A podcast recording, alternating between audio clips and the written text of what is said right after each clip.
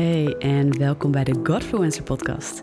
Ik ben Tessa, je host en in deze podcast neem ik je heel graag mee over God, over de werking van je brein, over het leven, over de omstandigheden die het leven soms erg ongenuanceerd op ons pad smijt, maar ook mindset en gezondheid, al dat soort dingen.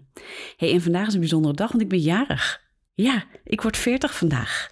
En ik dacht, weet je, ik eh, neem s ochtends eh, gewoon eens een podcast op en die plaats ik vandaag de dag nog. Dus um, ja, weet je, en de reden dat ik, uh, dat ik deze podcast wil opnemen vandaag is helemaal niet omdat ik jarig ben. Maar um, ja, eigenlijk omdat ik op de vorige aflevering en de aflevering die gepubliceerd is door Elsa Schatlee op haar podcast Called for Greatness. Ja, die twee afleveringen hebben zoveel opgeroepen en ik heb zoveel vragen, reacties uh, van jullie gehad, maar ook levensverhalen, ook harten die met mij werden gedeeld, moeites die werden gedeeld, kwetsbaarheden. En, um, en ook bijzonder mooie getuigenissen trouwens.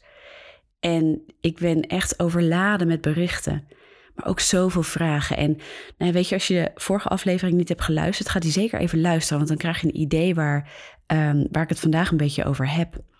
Um, want ja, ik kreeg zoveel vragen dat ik dacht, ik kan ze of allemaal apart beantwoorden of ik kan er misschien iets mee doen waar meer mensen wat aan hebben. Maar als je zoveel berichten krijgt, is het echt even zoeken en filteren naar hoe ga ik dat doen? Hoe ga ik ermee om? Dus ik wil eigenlijk middels een paar afleveringen, wat kortere afleveringen, denk ik, verschillende vragen daarin beantwoorden. Zover als dat ik kan. Want ik heb niet alle antwoorden in het leven. Ik ben ook zoekende, ik ben ook op weg. Maar uh, ik vond het ontzettend interessant omdat een aantal van jullie echt dezelfde vragen stellen, met dezelfde soort struggles lopen en tegelijkertijd, en dat is ook wel eens het lastige aan, ja, hoe geef je nou op de juiste manier antwoord? Wat is nou wijsheid, hè? In hoe je dan kijkt naar een bepaald probleem of een omstandigheid of een uitdaging of, of een verlangen van mensen. Ik heb heel veel het verlangen bijvoorbeeld uh, gelezen over ik wil God meer ervaren, ik wil uh, dichter aan Gods hart leven. Uh, tot en met de vertaling richting wat als een probleem voelt voor sommige mensen. Van hé, hey, ik voel God niet, ik ervaar God niet. Um, en de pijn die dat oplevert bij mensen.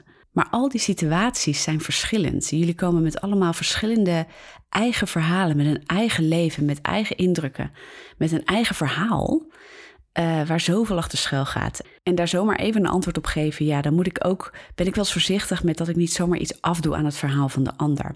En wat ik bij Elsa bijvoorbeeld in de podcast ook zeg, is weet je, je kunt niet je eigen verhaal, je eigen ervaring zomaar als een doctrine gaan maken, als een algemene leer, um, die je kunt plakken op de levens van anderen. Dat is eigenlijk niet te doen.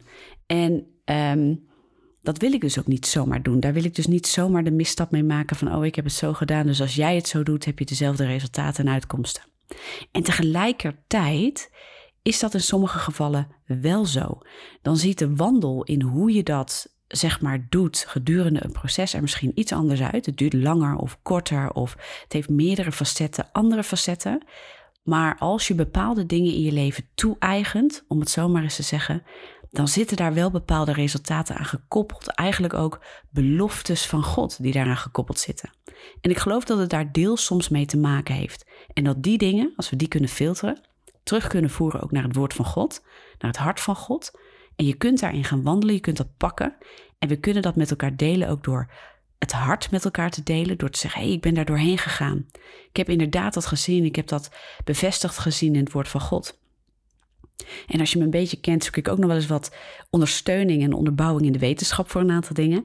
En als ik dat op die manier aan je breng, hoop ik dat deze podcast onder andere, maar ook het YouTube-kanaal waar ik zo meteen weer veel meer op ga delen, dat dat je iets brengt waar je wat mee kunt en dat je daar inderdaad dingen uithaalt waarvan je weet, als ik dat doe, ook al voel ik het nu nog niet, ook al zie ik het nu nog niet, dan toch weet ik dat de uitkomst gaat zijn dat, nou ja, de belofte van God in mijn leven zich uitwerkt.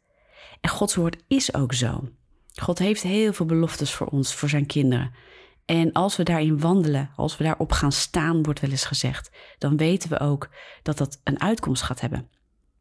En um, ja, dat staan, dat is misschien wel een van de dingen die ik ook nu uh, als vandaag, zeg maar, binnen deze soort QA's, zullen we het dan maar zo noemen, wil meenemen. En ik ga meerdere vragen meenemen hoor. Ik heb veel vragen gehad. Het is onder andere over die relatie met God, maar ook uh, mensen die met depressieve gevoelens zitten of depressie en niet weten hoe ze daar doorheen moeten komen.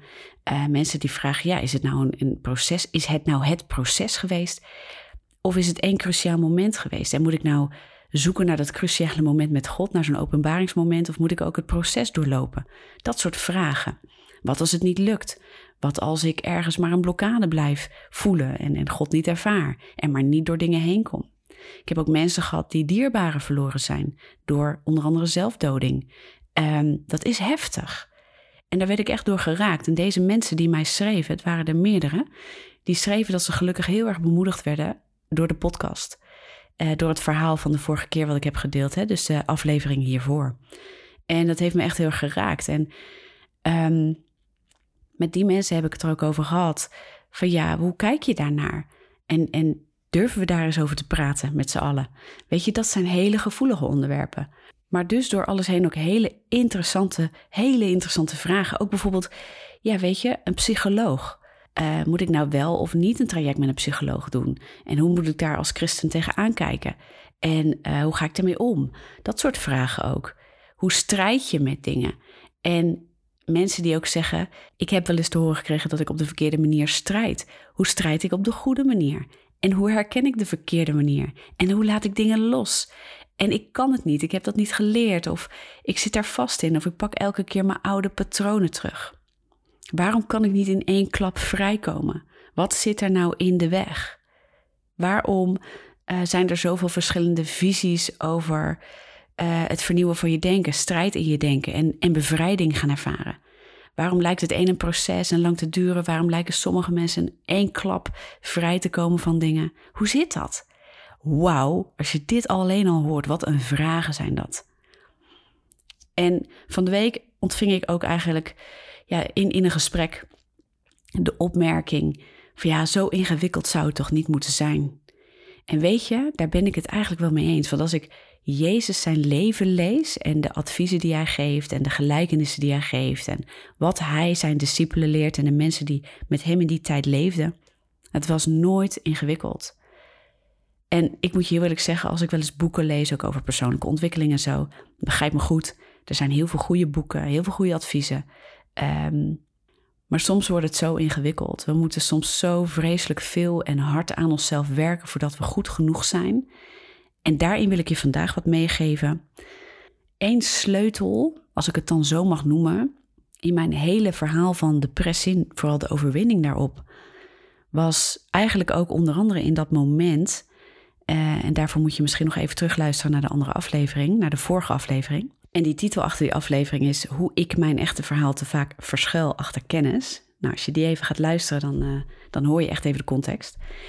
En dat God me in dat moment bepaalde dingen aangaf, maar door alles heen ook heel erg mij liet voelen dat ik genoeg ben voor Hem, ondanks mijn fouten. En ik heb wel eens een mooie uitspraak gehoord: God houdt zoveel van je dat hij je zo in zoals je nu bent, dat hij je zo helemaal aanvaardt. En hij houdt te veel van je om je zo te laten. En dat vind ik heel mooi. Wat God niet wil is dat jij met je unieke, mooie persoonlijke karaktertrekken en alles wat erop en eraan zit en al je talenten, dat wil hij niet wegdoen. Dat heeft, dat heeft hij nooit gewild. Alleen alles wat de wereld op ons heeft gelegd, al die gebrokenheid, al die denkbeelden en denksystemen in ons hoofd en in ons hart, die van de wereld zijn en niet van God, die ons belemmeren in relatie met Hem.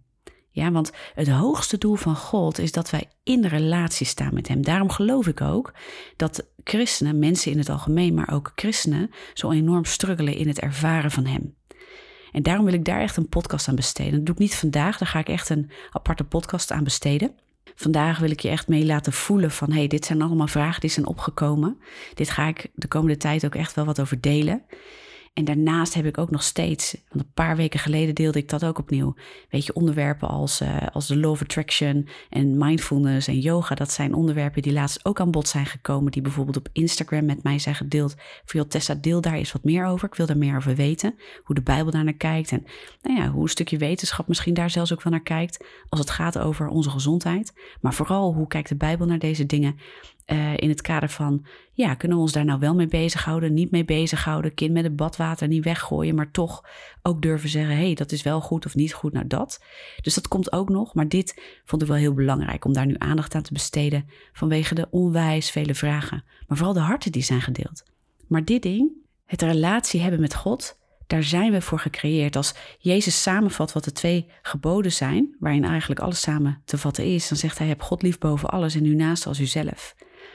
En dat God lief hebben boven alles, dat daar is het God om te doen.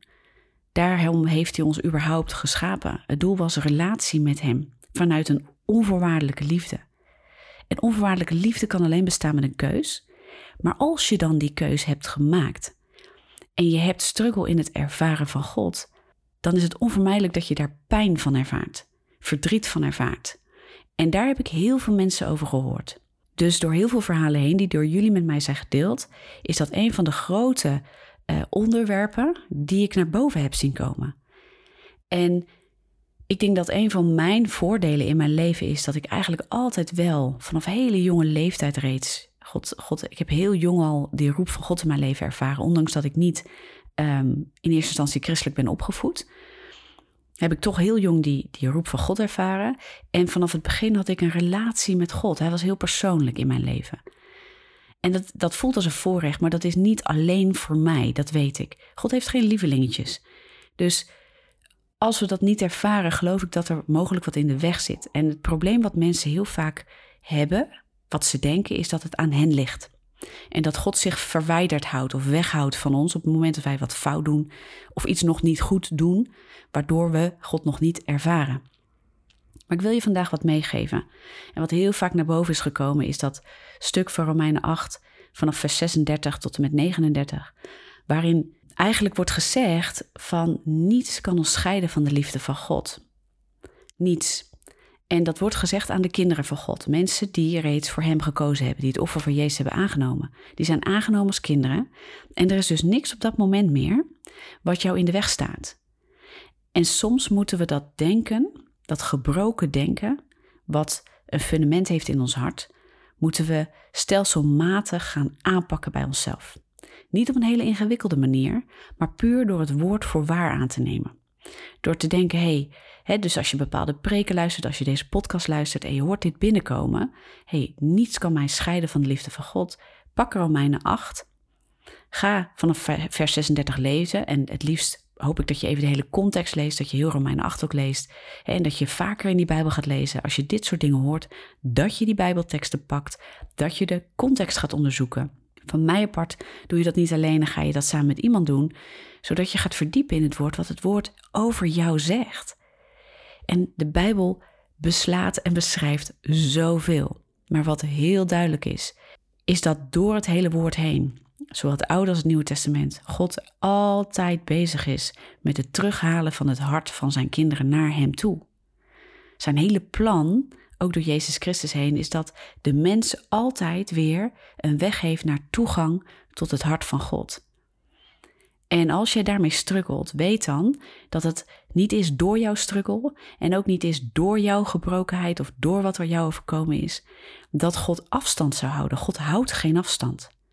Maar dat emotie en de dingen die jij hebt meegemaakt zo in de weg kunnen zitten om het te ervaren, ja, dat kan. Dat kan absoluut.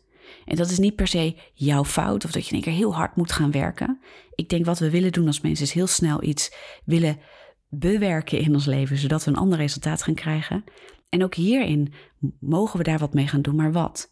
En daar wil ik echt de volgende podcast op ingaan. Dus dit stuk voor die mensen, voor jou misschien, als je die struggle ervaart in je relatie met God, het ervaren van God, dan wil ik daar echt een aflevering over maken. En daar wil ik echt de volgende aflevering over maken. En als het me lukt, gelijk ook volgende week. Zodat je een mooie aansluiting hebt op deze podcast ook weer. Ja, weet je, en voor nu sluit ik hem af. En hoop ik dat je getriggerd bent om te gaan luisteren naar de komende afleveringen. Want ik ga toch al deze dingen wel meenemen, zo goed als dat ik kan. En nogmaals, ik heb niet alle antwoorden. Ik ben met jullie op weg. En door jullie vragen ben ik wel weer geprikkeld om me daar weer verder in te verdiepen.